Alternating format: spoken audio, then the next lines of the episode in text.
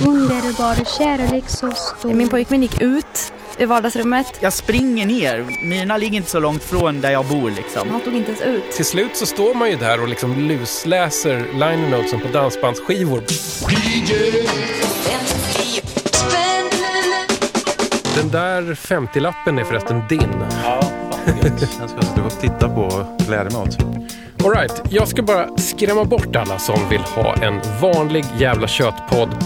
Jag ska också schasa iväg de där som går igång på två timmar långa kändisintervjuer. Och jag tänker också sopa iväg de där som mest är ute efter ännu en cold case true crime dokumentär dränkt i Epidemic Sounds torftiga produktionsmusak.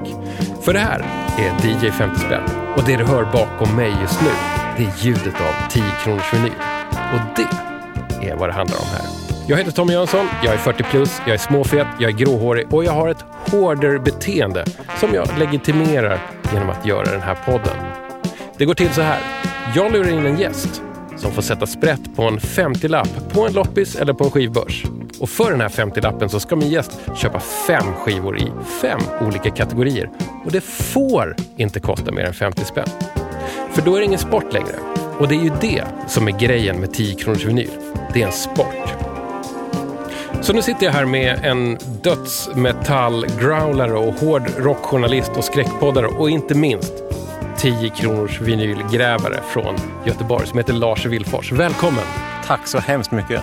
Nu undrar jag, var i Göteborg fyllde du din 10 kronors vinylskivkasse? Jag gick till eh, Saronkyrkan second hand, precis som Jens Lekman gör Yes. i låten Department of Forgotten Songs. Vet du att det är faktiskt mitt drömgräv och jag har aldrig varit där. Nej, jag men du måste gå dit. Det är liksom mytologiskt för mig. Och eh, de säljer alla LP-skivor för fem kronor. Det Så är jag ett... tjänar en hacka på att vara Ja, här just idag. det. Du går 25 spänn plus. Jajamän. Hur, hur tänker du spendera de pengarna? Jag tror jag går bort till eh, Mickes skivor i Hornstull. Mm. För nu har jag en 50-lapp Ja, och den måste jag ju använda till skivor. ja. Fast jag har använt den redan halva liksom. Så det blir fem stycken skivor som jag eventuellt klarar mig utan, men som jag ändå måste ha. Du, alltså alldeles strax här så kommer vi börja spela din hög av liksom fem eh, upplock från Saronkyrkan i Göteborg. Och jag vet att det finns några grejer i det som jag är väldigt sugen på att lägga på skivtallriken och höra. Men jag tänkte först lite grann om dig. Eh, till exempel vet jag det här, du har ett band som heter Vampire. Det stämmer bra. Vad är ni för någonting och hur skiljer ni er från allt annat i det här dödsmetallträsket? Ja, alltså vi spelar någon sorts eh, 80-tals death metal med influenser från eh, 90-talets skandinaviska black metal-scen. Alltså ganska mycket melodier, Mhm. men också ganska mycket tonvikt på låtstruktur. Mm. Att det ska vara relativt lättlyssnat hur hårt och rått det än är. Det ska ändå vara någon sorts Madonna-singel i botten. Godis under taggtråden. Ja, lite så. Det är vårt eh, unique selling point. Vet du vad, vi, vi kör en liten snutt av en Vampire-låt här. Så fattar folk vad vi menar när vi pratar om det här.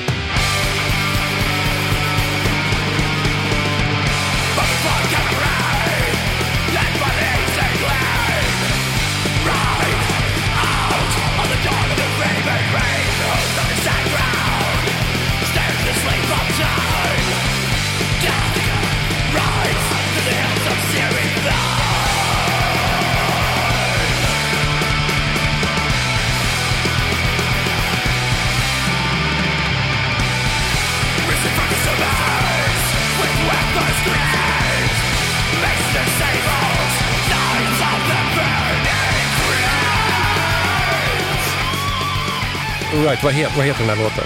Knights of the Burning Crypt. Och den handlar om odöda tempelriddare i öknen. Är, är det snälla odöda eller, eller onda odöda tempelriddare? Alltså som alltid inom den här typen av hårdrock så beror det på vilken sida man tar i fighten. Och eh, nu är det ju de döda mot de levande. Ja. Det är sedan gammalt det. Jag, jag vet att Tempelriddarorden som finns nu här i Sverige, jag har för mig att de är typ nykterister. Ja, Så, så Det är jag, inte de här tempelriddarna. nej, för jag då, då tänker jag liksom att den nuvarande tempelriddarorden som finns nu har tappat någonting av liksom det här mystiska som fanns bland de här liksom urspårade korsfararna som blev kvar där nere. Ja, alltså det var lite mer drag under galoscherna på medeltiden. Det kommer man inte ifrån. Ifall man vill ha en referenspunkt här så kan man titta på de spanska zombiefilmerna i eh, The Blind Dead-serien. Mm. Det är lite grann den tempelriddargrejen vi bejakar då. Det är bra att du säger skräck här, för jag tror att vi kommer svänga in på din skräckpodd varje timme lite senare och att det nästan kommer ske organiskt utifrån musiken. Så Mm, mm. eh, håll det i minnet där ute, ni som lyssnar. Eh, och, och efter att liksom ha pratat med dig lite telefon innan du kom hit upp från Göteborg så Mm. vet jag också att du är en sån här som lite grann hela tiden är på jakt efter någonting annat än vad man först tror att man ska få på en skiva. Och då letar jag efter det som jag kallar för ofrivillig hårdrock. Alltså artister och band som inte fattar att de spelar metal Mm. fastän det är exakt det de gör. Ja, Och det här kan man hitta på de mest oväntade ställen. Och eh, ett sätt att hitta guldklimparna i detta hav av skit som ändå liksom billighetsbackarna är, ja, ja. det är att kolla efter ålderdomliga eller negativa eller heroiska ord. Okej. Alltså en viss ordvalör i bandnamn och titlar. Okej, Kan du dra något exempel på det? Ja, det kan jag ju. Alltså en skiva som vi har med oss här idag, den heter ju Dancing on the head of the serpent. Ja, det, Och då det är ju, är jag hemma kan ja, jag det är ju lite esoteriskt och lite mystiskt och lite Verkligen. mytologiskt. Alltså metal, det tappar in på saker som alltid har funnits. Mm. Och saker som alltid har funnits, men det har folk alltid sjungit och spelat om. Jag tänkte bara för att liksom vara lite så här publiktillvänd och pedagogisk och sådär och, och liksom illustrera det här exemplet med ofrivillig metal. Jag bad dig ta med dig en skiva Mm. som liksom ändå kan visa hur, hur ofrivillig metal kan låta. Mm. Ska vi lyssna på den? Hemskt gärna. Så kör vi det som uppvärmning innan vi tar liksom dina fem DJ 50 spänn skivor för 25 spänn. Låter som en toppenidé.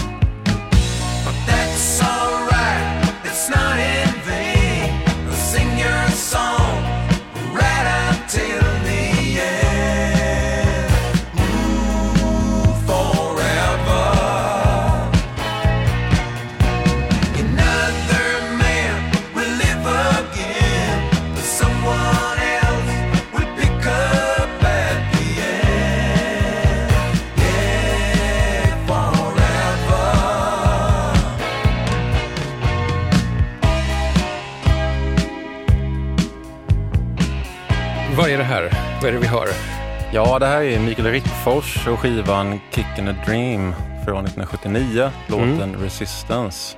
Vet du, jag plockar nog inte riktigt vad som är hårdrockigt i den här låten. Nej. Och jag ska bara säga också att den här Mikael Rickfors-skivan, den här, är ju liksom, den här finns i varje loppisback. Så är det.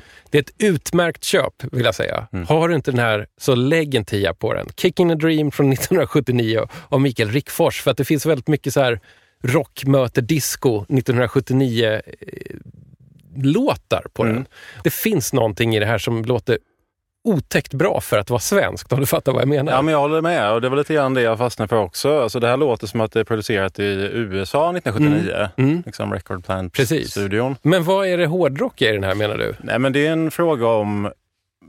Nu kan inte jag de tekniska termerna, men någon sorts melodispråk Mm. som ligger över ackordföljder Mhm, som är mhm. ganska Mm. Maiden, skulle jag säga. Okej. Ja, Ja. Och, och de här, det jag kallar för Maiden-ackorden, jag vet inte, det är väl ingen som använder det begreppet så mycket förutom jag själv, men det är någonting som min brorsa snackade om när, när jag var liten och, Ja. och just hade upptäckt Maiden och, och han tyckte liksom att han hade genomskådat Maiden.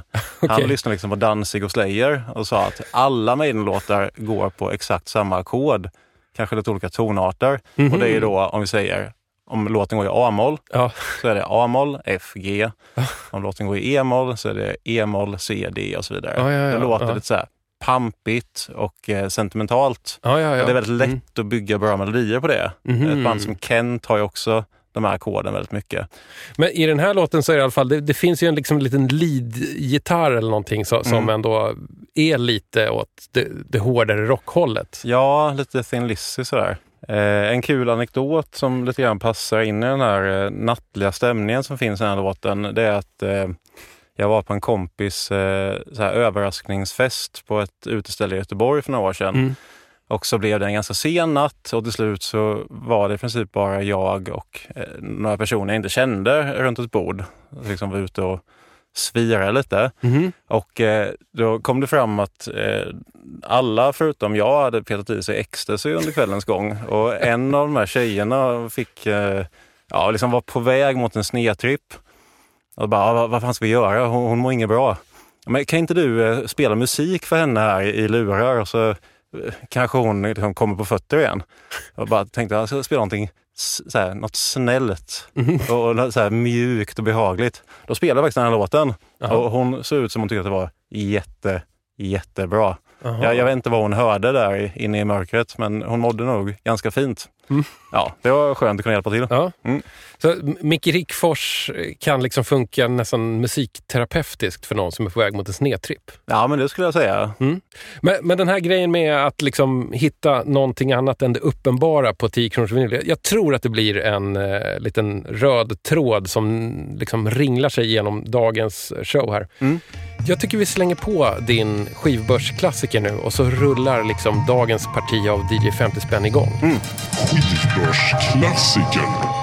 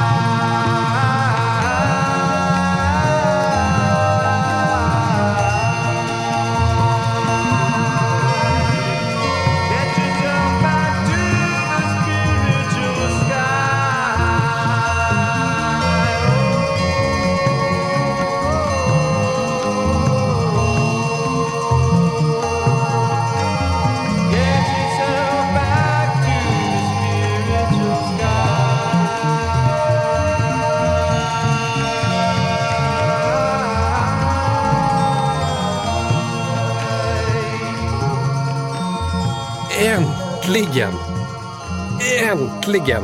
Det svenska Hare Krishna jazz, rock, flum, fusion, space, rock, whatever bandet Rasa från Korsnäs gård i Grödinge, Botkyrka, Sverige, rymden, evigheten.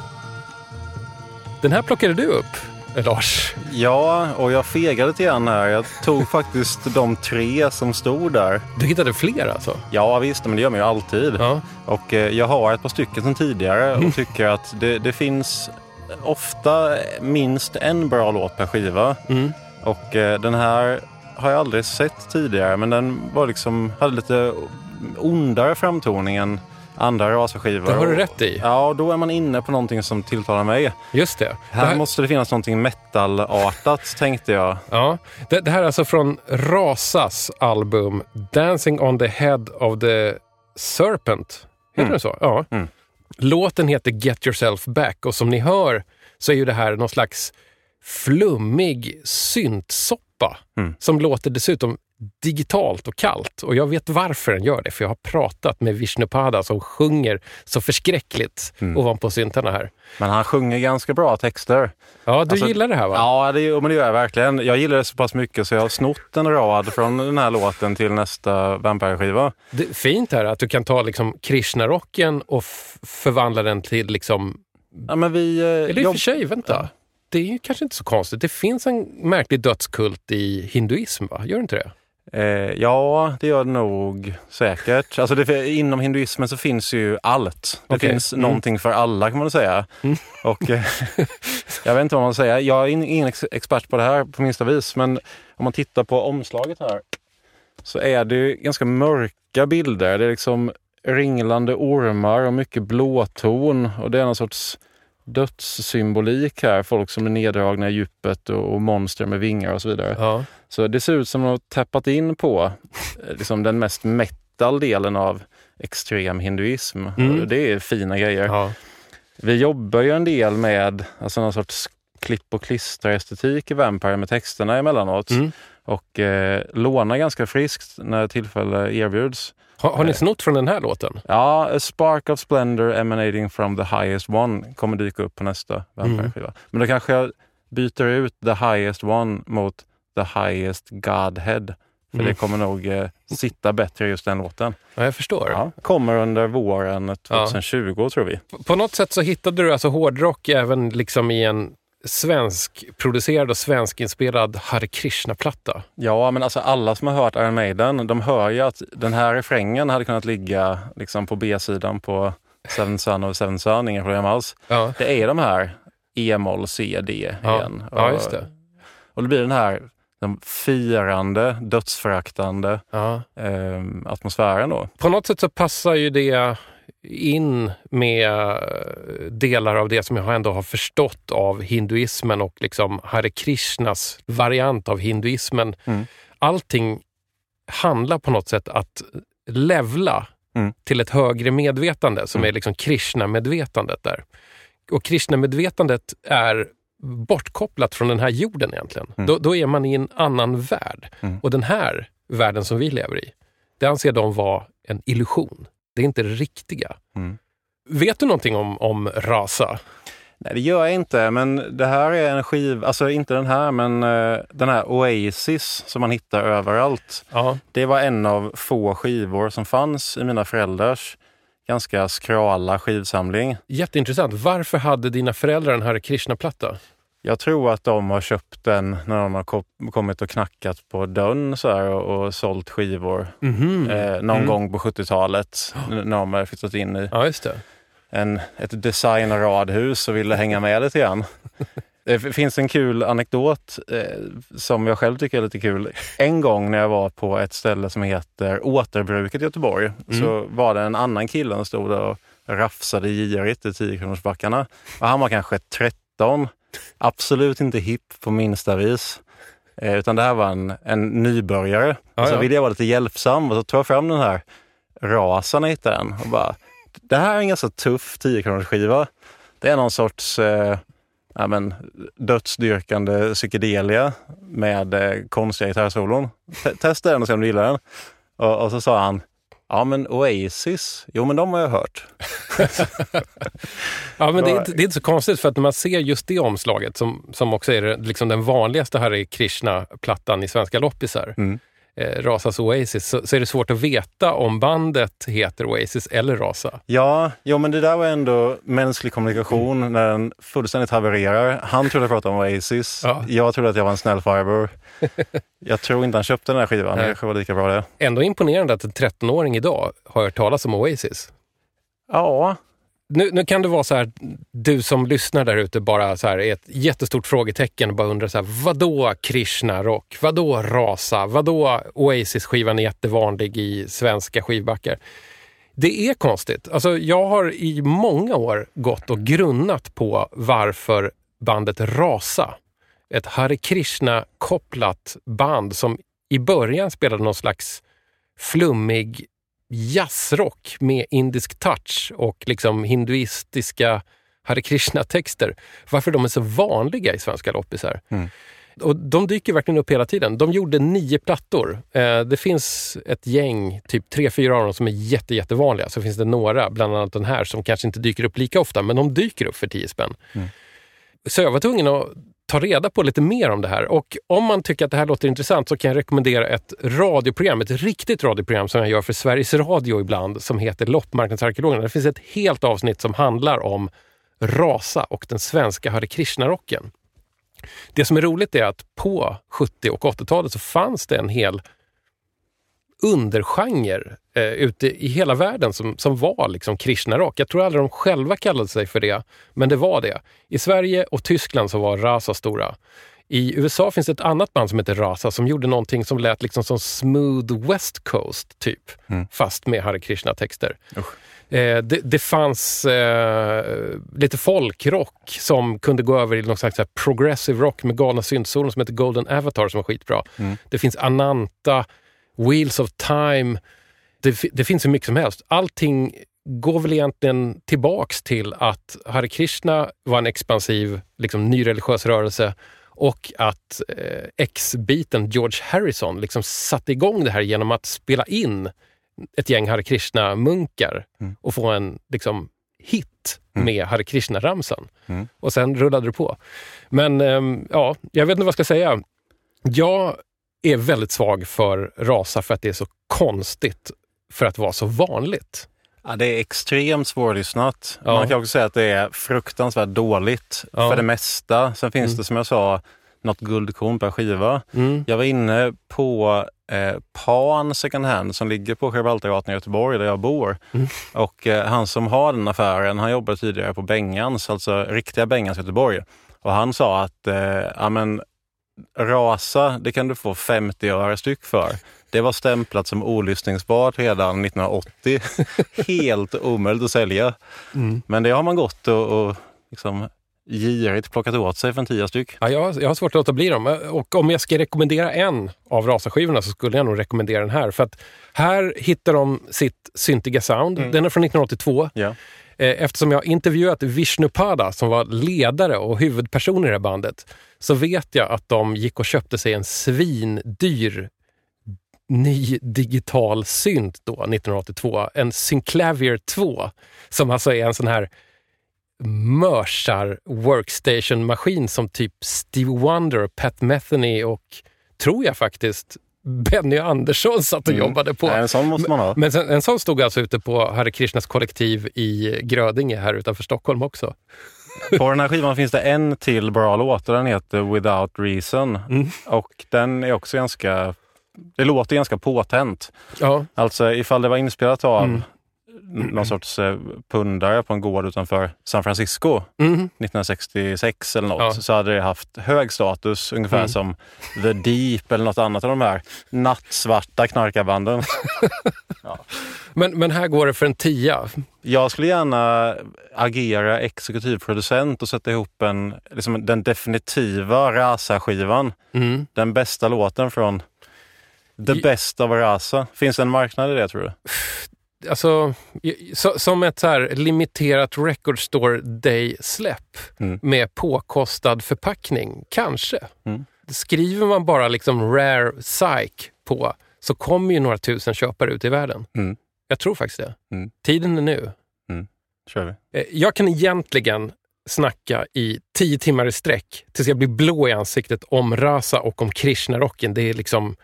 Det, jag, jag kan nog säga att för mig är mi- min nästa musikpassion efter att jag har blivit klar med krautrocken. Jag har bara lite kvar där. Eh, jag kommer inte snacka i tio timmar om det nu, men jag kan bara nämna att eh, det som är intressant med Rasa, det är att bandets huvudperson, som på skivorna heter Vishnupada och i Hare Krishna-rörelsen heter Harikesha Swami och i vår verklighet, eller i liksom illusionen, heter Robert Campagnola. Han var också liksom en slags småpåve i Hare Krishna-rörelsen. Han var en av de elva högst uppsatta ledarna i Hare Krishna-rörelsen och hans ansvar var norra Europa plus Sovjetblocket. Och han jobbade med att liksom, eh, trycka upp skrifter och smuggla in dem i Sovjetunionen bland annat. Men får jag, bara, jag vill gärna prata i en minut till. Ja, gör För det. jag tänker så här, att ifall man sitter och hjärntvättar sig själv med bönor liksom ute på en gård i Uppland Mm. ett halvår i sträck, då hamnar man på en jävligt märklig plats mentalt. Mm. Alltså det är väl jämförbart med att sitta och dra tjack och porrsurfa ett halvår. Hjärnan slutar fungera som den ska. Säkert. Och eh, om man är lite så här hokus pokus orienterad som jag kan vara Mm. i mina stunder så tänker jag att eh, de kanske har åkallat helt fel energier Kanske. i vissa låtar och, och kommit in på någonting som inte alls är bra för människor. På samma sätt som Hare Krishna inte är bra för människor i Mm. någon sorts praktisk mening. Nej, men precis. Jag kan citera black metal-bloggen Hatpastorn. Om man busringer till avgrunden så finns det en risk att någonting svarar. Ja. Ja. Det, Ja. De är inne på ganska giftiga grejer. Ja, jo, men ja, dancing on the head of the serpent. Det är klart att det inte är bra för människan. Men i fallet med Rasa och Krishnarock så tänker jag ibland att det fanns en musikalisk vinst med att det var så avskilt från allting annat. Mm. Jag, jag ringde faktiskt upp en snubbe som spelade gitarr på en av Rasa-plattorna. Mm. Eh, Coming into full bloom, tror jag. Han heter Stig Sjöberg. Mm. Och frågade så här, är det du som spelar gitarr på Rasas Coming into full bloom? Så bara, "Ja, absolut, det är jag. Mm. Så här, ja, var, var du med här? Så här, nej, nej, nej, nej. De jag ville vara med och jag ville lira. Ja, hur var det då? Det var toppen. Ja, varför då, frågade jag. Jag fick ju spela hur långa solon jag ville. Och i, i liksom någon slags Hare Krishna musikkontext. Där liksom mallen för allting som är bra egentligen är det oändliga och evigt loopande Hare Krishna-mantrat. Mm. Där är ju liksom långdragna, flummiga och gärna upprepande grejer. Det är det bästa man kan tänka sig. Mm. Mm. Så det är klart att han fick liksom dra loss på ett så här 128 takters gitarrsolo istället för 32 takter eller vad det brukar vara vanligtvis. Alltså det är omöjligt att de inte föll för den här proggrock-frestelsen att ha en låt per sida. Mm. Det hade varit helt rimligt. Nu, nu håller jag på att halka in i det här 10 timmars liksom, skovet. Jag, jag, jag sparar det till en annan dag. Det, det var Rasa i alla fall. Det är en svensk loppisklassiker och jag är glad att det efter liksom typ 120 avsnitt äntligen dök upp som en eh, skivbörsklassiker i DJ 50 spänn. Kudos Lars! Håll till godo. Nu kör vi chansningen. Jajamän. Chansningen. Jag ser att den här skivan heter Musik från helvete. Oj, oj, oj, oj.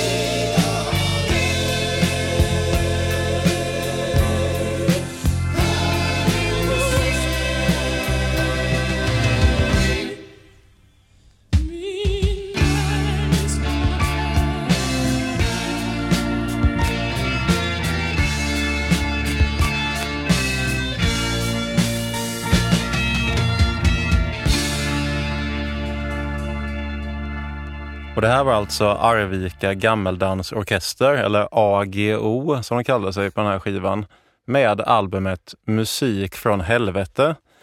Sista låten på A-sidan som heter Kärleksvisa. Alltså, jävlar.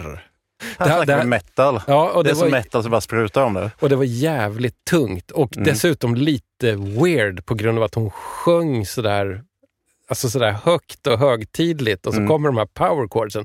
Jag fick gåshud ett par gånger. Ja, men jag För, för det, det var starkt. Det, var Mm. starkt det här. Ja, väldigt bra. Det är ju en privatpress också. Utgivet Mm. på det egna bolaget Ack Värmeland. Jajamensan. Hur fan vad coolt. Så här, jag, jag tycker att jag har hyfsat bra koll på svensk progg i den här liksom näbbstövel-kategorin. Mm. Som, som man ändå får säga att Arvika Gammeldansorkester, AGO, att det är. Jag har aldrig talat om det här. Nej. Nästan onödig fråga att ställa, men jag ställer den i alla fall. Mm. Varför chansar du på den här skivan? Det var ju titeln och själva omslagskonsten kan man säga. Alltså det har ju det här jordiga, lite Ja, folkis-romantiska som man kan se till exempel på den första Anna Ternheim-skivan.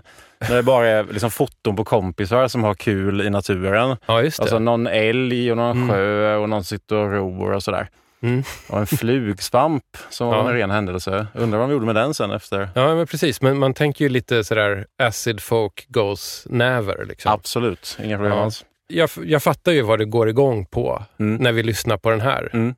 Men rest, hela skivan är väl inte så här heavy? Nej, verkligen inte. Alltså, den är i princip helt olyssningsbar. förutom sista låten på A-sidan som var den här Ja. och sista låten på B-sidan som heter Pastoral. Mm. Och när någonting heter pastoral, då lägger jag ju fram 10 kronor kan jag avslöja. Jaså? Ja, men det handlar alltså om någonting eh, naturromantiskt. Alltså Mm. en pastoral, Mm. då- är man ute i, i skog och mark och liksom diktar kring det. Mm. Och det är exakt så som den låten låter. Den är minst lika bra som den här vi lyssnade på nu. Mm. Eh, extremt naturromantisk.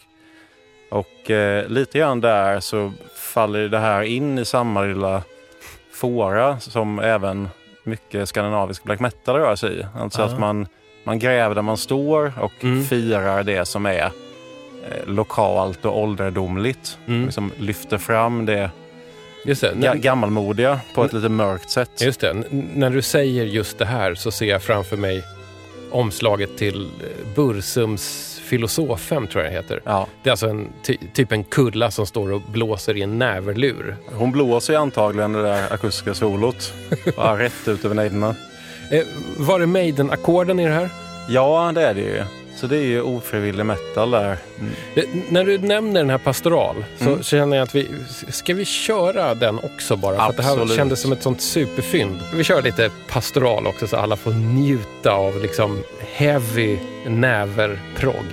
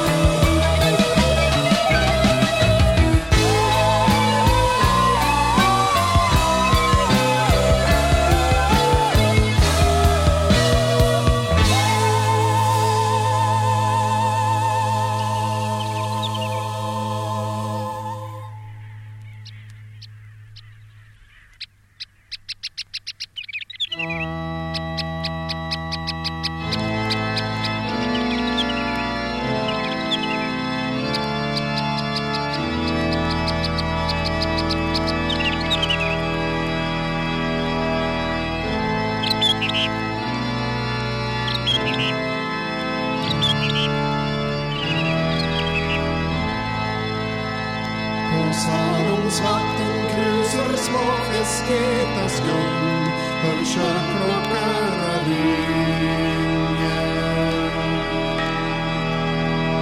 Hos Herrensvakten kruser små fisketa skum När ett liv är slut. I furufallen och en fågel flyger var. Från luftens svineri i fure faller och en fågel flyger var när ett liv är Se sparven flyger med slutna ögon och huvudet sänkt mot marken. Se, se sparven sörjer en kort minut för att sen fortsätter mot livet. Så har det alltid varit.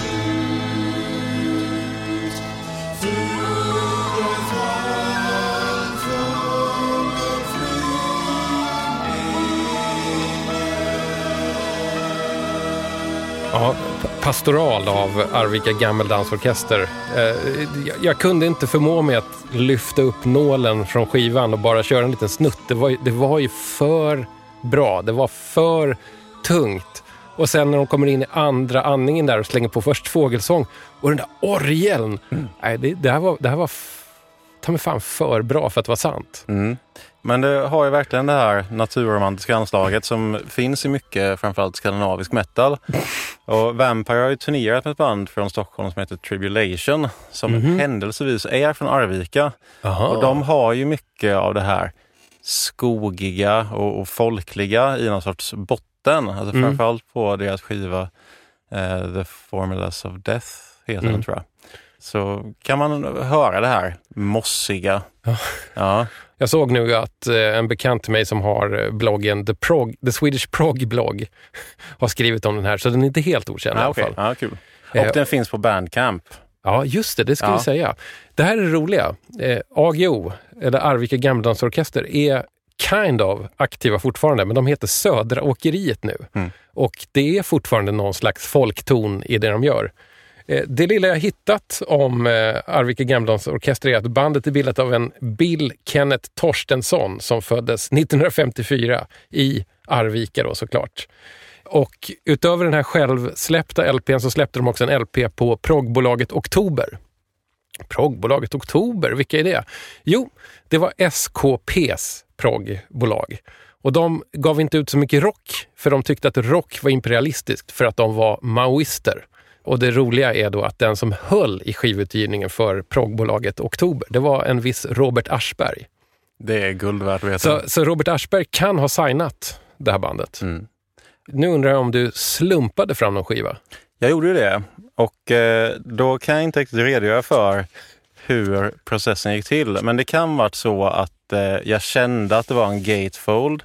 Kanske stod den i en plastficka rent av. Mm. Jag kanske såg den här vinröda, lite påkostade färgen Mm.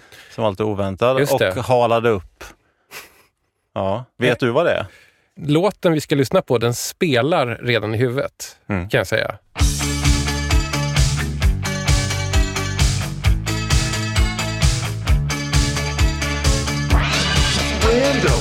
success.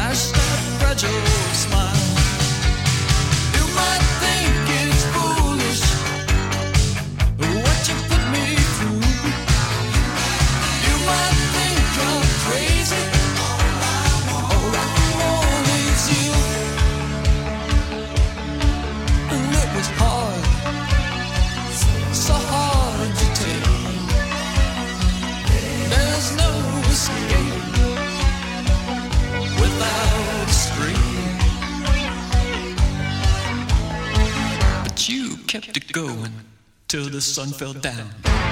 You kept it going.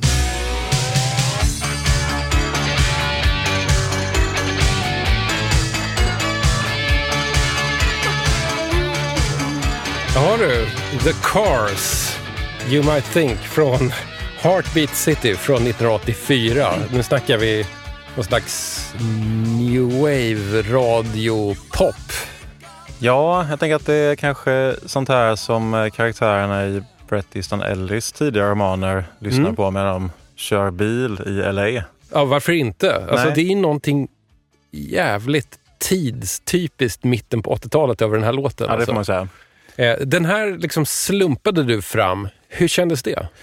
Ja, men det kändes ganska bra. Jag tog fram telefonen och gick in på All Music och eh, slog på den här. Och då har den alltså fem poäng av fem möjliga.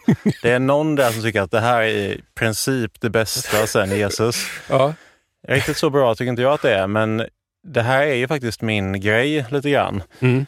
Eh, det kom tre singlar från den här skivan som Mm. man gör reklam för på omslaget. Mm. Och eh, som av en ren händelse så innehåller alla de här tre singlarna eh, Iron Maiden-ackorden då. Såklart. E-moll CD. Mm. Det var ju verkligen inte omöjligt att höra dem på radion 1984. Nej, Det ska man komma ihåg. Men eh, ja, det är right up my alley. det, det kan vara Maiden-ackorden, men jag hör inte så mycket metal i den här låten. Nej, det gör inte jag heller. Men det låter lite grann som en blandning mellan halvtidiga Fleetwood Mac och 80-talets Ramones. Man kan ju hamna sämre om man chansar fram en skiva på Sarenkyrka second hand. Jag tyckte mig se någonstans att det är en viss Matt Lang Mm. som har proddat den här.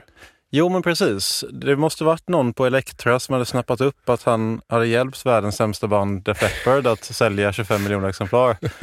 Bara, vill, vill ni ha hans nummer? Mm. Ja, det vill vi. Precis. Och det blir ganska bra. Det är ju fruktansvärt eh, välproducerat. Ja, Om man lyssnar på det här i lurar så är det ju nyans på nyans på nyans som Mm. gör att man vill lyssna igen. Ja, Alltså, ja det är mycket detaljer. beroendeförhållande. Jag- Jag Mm. kan rekommendera att ta på de, de bästa lurar du hittar, du som Mm. lyssnar nu, och eh, ta det där breaket när sångaren är själv. Det är jätte, jätte, jättefin rumsklang, alldeles lagom mycket reverb. Krispigt. Ja.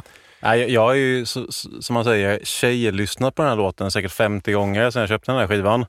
Jag har lyssnat igenom hela skivan ett par gånger och så Mm. bestämde mig för att första på B-sidan, ja men den är bäst. Och sen har jag ju dratt den på repeat på Spotify när jag lagat mat och diskat och sådär. Ja. Det är oerhört härligt. Mm. Man vill bara vara i den låten. Det som slog mig när jag lyssnade nu är att jag vet nog ingenting om The Cars, förutom att liksom bandets huvudperson heter Rick Ocasek. Mm. Och det finns i de andra låtarna, inte den här då, men de andra låtarna, en, en härlig sån här nattstämning Mm. som man kan höra på framförallt ja, men välproducerad radiorock eh, från 80-talet, amerikansk. Mm. Mm. Eh, sen Alice Cooper har också den där Mm. regniga, liksom, stå utanför nattsyltan och, och Mm. spana på henne. Ja, just det. Ne- neon som speglar sig i, i regnvåt asfalt. Ja, du är ledsen men det, det känns egentligen inte. För att du är i LA. Apropå natt, apropå nattliga stämningar så här. Du gör en podd som heter Vargtimmen. Jajamän. Eh, du, du gör den med en kompis, eller hur? Ja, precis. Thomas Arvidsson, det är min barndomskamrat från Ja. Jönköping. Varför måste ni göra en skräckpodd? Alltså jag hade idén sedan länge, länge att om jag någonsin fick chansen att göra ett radioprogram så skulle jag Mm. vilja göra någonting eh, mellan eh, liksom eh, metalzon på SVT och eh, Karlavagnen som skulle heta Vargtimmen. Jag Ja, ja. hade namnet. Mm. Men sen är Thomas en ganska, han är på bästa tänkbara sätt ganska naiv Mm. vad gäller att få igång saker Mm. och ha mycket bra idéer och sådär. Så eh, kombinationen där av, av eh, hans temperament och eh, min noggrannhet med att saker blir bra, Mm. tror jag, gjorde varje timme till vad det Ja, är då. Jag tänkte så här att om, om du fick bli music supervisor för en skräckfilm Mm. av, ja inte vet jag, någon kul subgenre. Har du någon favoritsubgenre i skräck? Jag tycker om när det är ordentliga familjedramer Mm.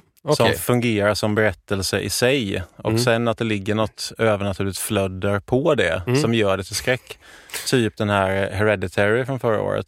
Men låt säga att, att det görs en sån film och du blir inringd som music supervisor för Mm. den. och du har en budget på 50 spänn Ja, ja, att då köpa jag skivor för. Vad, vad, Jag- skulle, jag du, hade vad gjort- skulle du slänga in? Jag hade gjort exakt som eh, de som ljudsatte House of the Devil från 2009 tror jag. Mm. Man tar in en gammal Greg Kinn-singel och så är det i princip färdigt sen. Vi, vi ska göra en, en, en retroskräckis här med, med en vag men påtaglig 80-talskänsla. Och, då, och då har du liksom Greg Kinn Band. Ja, absolut. Eh, så här, vilka låtar är jävligt bra men kostar inga pengar att lösa ut? Man ska alltid balansera det obehagliga med någonting igenkännbart och tryggt och någonting som känns mänskligt och eh, eh, sannolikt. Så då är det bra om man om, om någon av huvudkaraktärerna lyssnar på en bra låt i bilen. Mm. Alltså typ eh, första Halloween-filmen. Då, då sitter de och röker gräs i bilen och eh, lyssnar på Don't Fear the Reaper. Ah, kan ju inte bli bättre. Vi ska, vi ska gå från skräck till någonting som faktiskt har någonting, tycker jag, direkt obehagligt i sig. Mm. Det har blivit dags för Nostalgiköpet.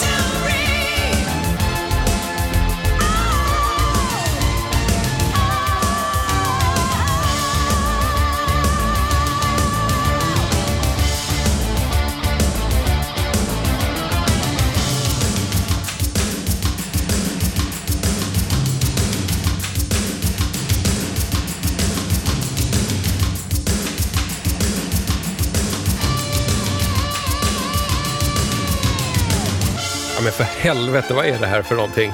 Detta är givetvis Koreana med den heroiska Victory direkt från eh, det officiella soundtracket till OS i Seoul 1988. Och, tro det eller ej, men det är Giorgio Moroder bakom rodret här alltså. Mm. Det här är alltså en nostalgiskiva för dig. Eh, Min bror hade den här singeln. Alltså, Hand låt- in hand-singeln. Ja, precis. Det var ju låten för OS. Mm. Och eh, den handlar ju om att alla nationer ska liksom ta varandra i hand och, och ta sig igenom det här jobbiga. Sen när man vänder på skivan, då, då får man veta vad det egentligen är som bubblar under ytan. Och och det är liksom enbart kamp, dödsförakt och seger. Det här låter ju som en korsning mellan eh, Europes The Final Countdown och någon slags så här, generisk musik att köra stridsvagn till. Ja, Alltså, det, jag kan inte beskriva det på något bättre sätt. Jag mår nästan illa av den här låten. Jag gör ju inte det. Jag har en svag punkt för den här eh, totalitära harmonin. Fanfarmusiken. Nej, men det, det finns ett extremt självförtroende där som gör att jag bara vill lägga mig ner och låta mig tas över av Sydkorea. Jag är nästan liksom mållös av den här låten. Det har att göra med att jag ser upp till Giorgio Moroder som en slags fadersfigur. Jag vill gärna se honom som symbolen för väldigt mycket gott i musiken. Mm, mm. Men här är vi ju liksom i en konstig fas i Giorgio Moroders liv när han har varit någon slags producent eller music supervisor för Top Gun. Och han har kommit in på fanfarer, han har kommit in på pampighet han har kommit in på du vet, någonting så stort och monumentalt som inte riktigt klär en tysktalande människa om du förstår mig rätt. Jag förstår precis. Det är någonting i mig som går sönder då. Mm. Att jag skulle gärna vilja radera den här delen ur musikhistorien. när Giorgio Moroder gick ner sig. Alltså jag hör ju heroisk heavy metal. Mm, jo, du behöver inte göra mycket för att det här ska bli power metal. Verkligen inte. Nej, det, det är ju i princip det det är fråga om. Och det här är väl det tydligaste exemplet på vad det är jag letar efter när jag köper 10 kronors skivor. Jag, jag vill höra sånt här. Ja, här, här har vi liksom ofrivillig metal som egentligen inte är det minsta ofrivillig längre. Fast jag tror inte att någon i Koreana, alltså det var ju en glad kvartett, två män och två kvinnor som stod och höll varandra i hand på skivomslaget. De hade ingen aning om hur det lät i kontrollrummet. De bara sjöng för deras livet jävligt högt. Jag älskar den här låten. Jag tycker att den är helt fantastisk. Jag vet inte ifall det är nostalgifaktorn som, som helt tar över, men eh, ja, det Ja, här är, det här är verkligen för mig. Eller så bara går det igång på den här krigiska pampigheten. Ja, det är, alltså, det är mycket tänkbart. Eh, och jag är en ganska fredlig person, men eh, det här, den här typen av musik eh, fungerar som en kanal för mig att ja, känna mig så här Starship Troopers patriotisk. Det är väldigt härligt att vara där. Någonstans i mig är ändå glad att jag fick höra det här, för jag, jag har aldrig vänt på eh, Hand in Hand-singeln. Nej, det ska man göra. Man ska limma fast den jäveln med avsidan neråt. Nu är det så här att vi har betat av fyra av eh, dina skivor och vi har sparat liksom fyndet till sist. Jag undrar ju om det blir ofrivillig eller riktig metal nu eller om det blir någonting totalt annat. Det blir ganska annorlunda och vi kan väl slå fast att AGO, det är den här skivhögens fynd. Det kommer vi Ja, inte ifrån. det. Alltså både konstnärligt och rent ekonomiskt, Ja. om man har sådana motiv.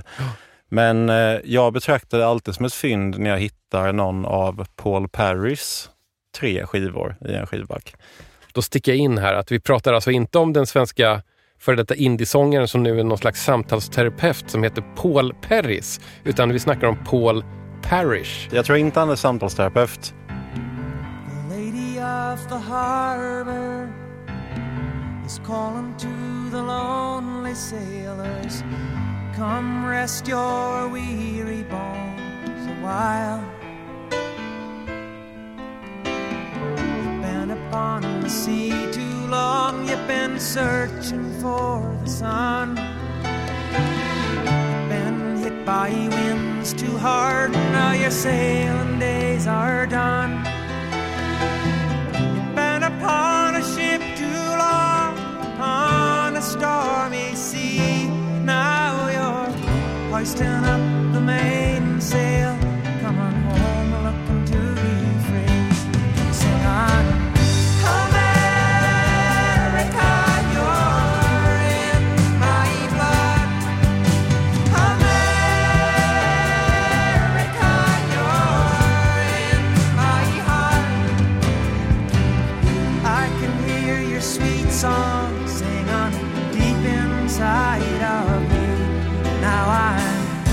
hoisting up the mainsail, coming home looking to be free. Lady of the harbor, she speaks like a lonely lover. Come settle down and stay a while. Nights upon the sea grow cold. I can see it in your face. Like lovers know how the wind can have her ways. You've been upon a ship too long, upon a stormy sea, and now you're hoisting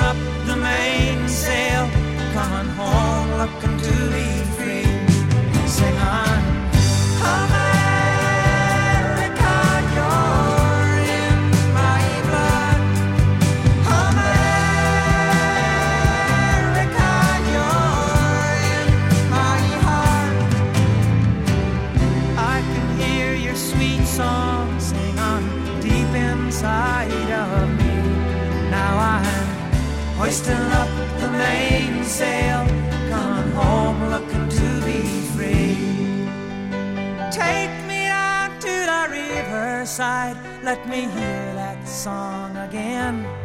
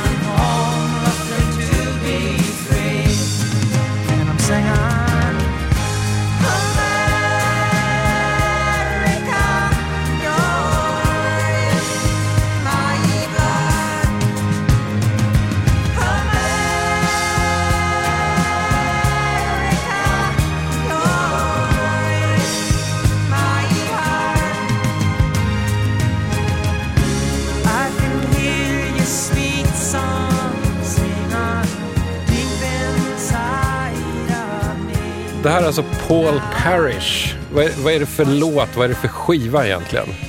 Detta är låten America, inom parentes Lady of the Harbour, slutparentes, Mm. från skivan Song for a young girl 1977. Jag har ju sett det här omslaget i loppisbackar. Mm. Paul Parrish, alltså en eh, långhårig sn- snubbe med slokmustasch. Han sitter bakom sin flygel i ett rum i någonting som ser ut som att vara kanske ett 1800-talshus. Det är stora fönster som det liksom sipprar in solljus genom.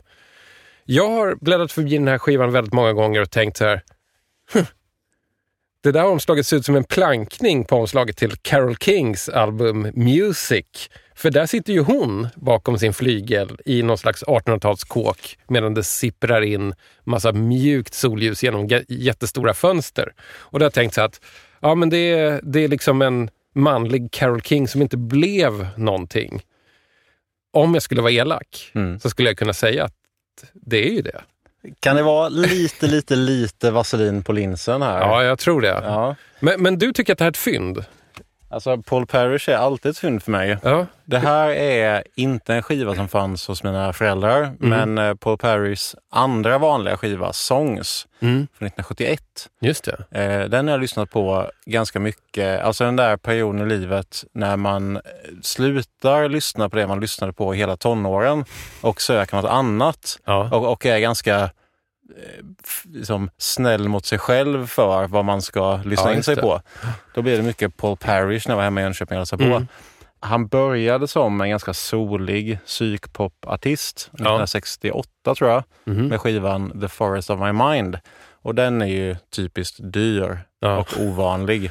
Det är inte Song for a young girl. Nej. Finns överallt. Finbra. Ja. Den här låten var ju väldigt pampig i alla fall. Mm. Eh, och det är väldigt snyggt med den här temposänkningen som kommer där på Ja, det är slutet. underbart. Alltså, det är, Sänk tempo, höj tonart. det spelar ingen roll hur dåligt det är före det. Det blir asbra varje gång. Mm. Det här är väl det minst metal i min hög idag. Men eh, vi kan ju slå fast att det finns en eh, koreana-faktor här.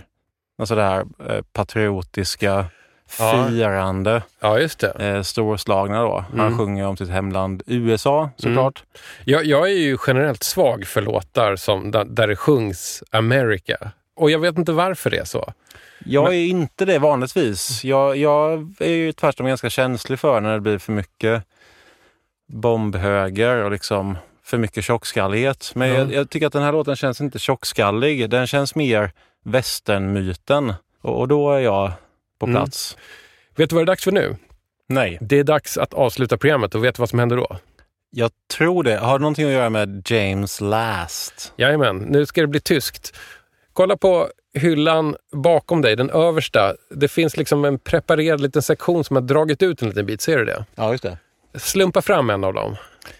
Får jag bara säga min ingång till James Last? Absolut. Jag har en gång haft med en James Last-låt på en hembränd bland-CD till ett ex som jag ville bli ihop med igen. Hur gick det? Ja, vi blev ihop igen. Jag Mhm. tror inte att det hade med James Last att göra, men vem vet? Eh, det var hans version av Sons of Silence Mhm. med ett jävla drag. Det måste varit han. För den hittade jag på någon så här eh, DC++ nedladdningsgrej. Och så stod det bara Sounds of Silence Easy Listening Version. och så var det 500 personer som sjöng stämsång. Då ska vi se här. Den... Vänta. Det här blir spännande. Ja, Det... en rosa kärlekens färg. Då sa Lars Vilfors, eh, metalskalle, ofrivillig metal-detektiv och 10 kronors vinyldykare. Tack för att du var med i DJ 50 spänn. Tack så hemskt mycket för att jag fick komma hit. Det var väldigt kul. Det här är en av mina James Last-favoriter. Okej, Rock Me Gently. Ja, A Tribute to the Great Canadian Songwriters. Du hör ju själv. Vad har vi på Kanadas låtskrivare? Vi har Neil Young, vi har, eh, vi har även Robbie Robertson. Det är mycket Gordon Lightfoot där. Jag, jag gillar ju Gordon Lightfoot. Finns det någon uh, ofrivillig metal där tror du man kan...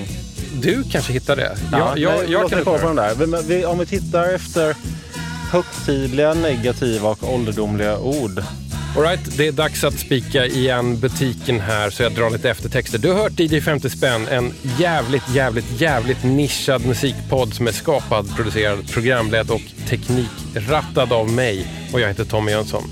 Podden görs i samarbete med produktionsbolaget Rundfunk Media. Följ DJ 50 spänn på sociala medier. Jag finns på Instagram, jag finns på Twitter även om stämningen är dålig där.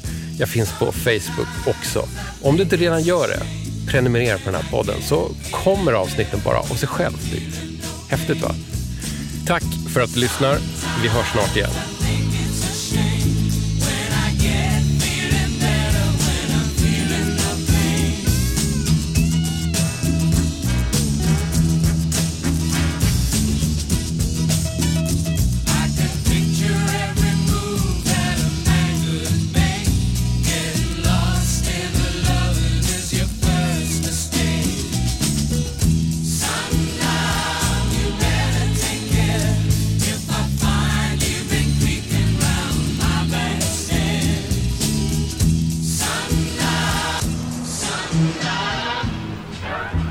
Astrologically speaking, Aries is the first sign of the zodiac, a fiery, cardinal, and leading sign.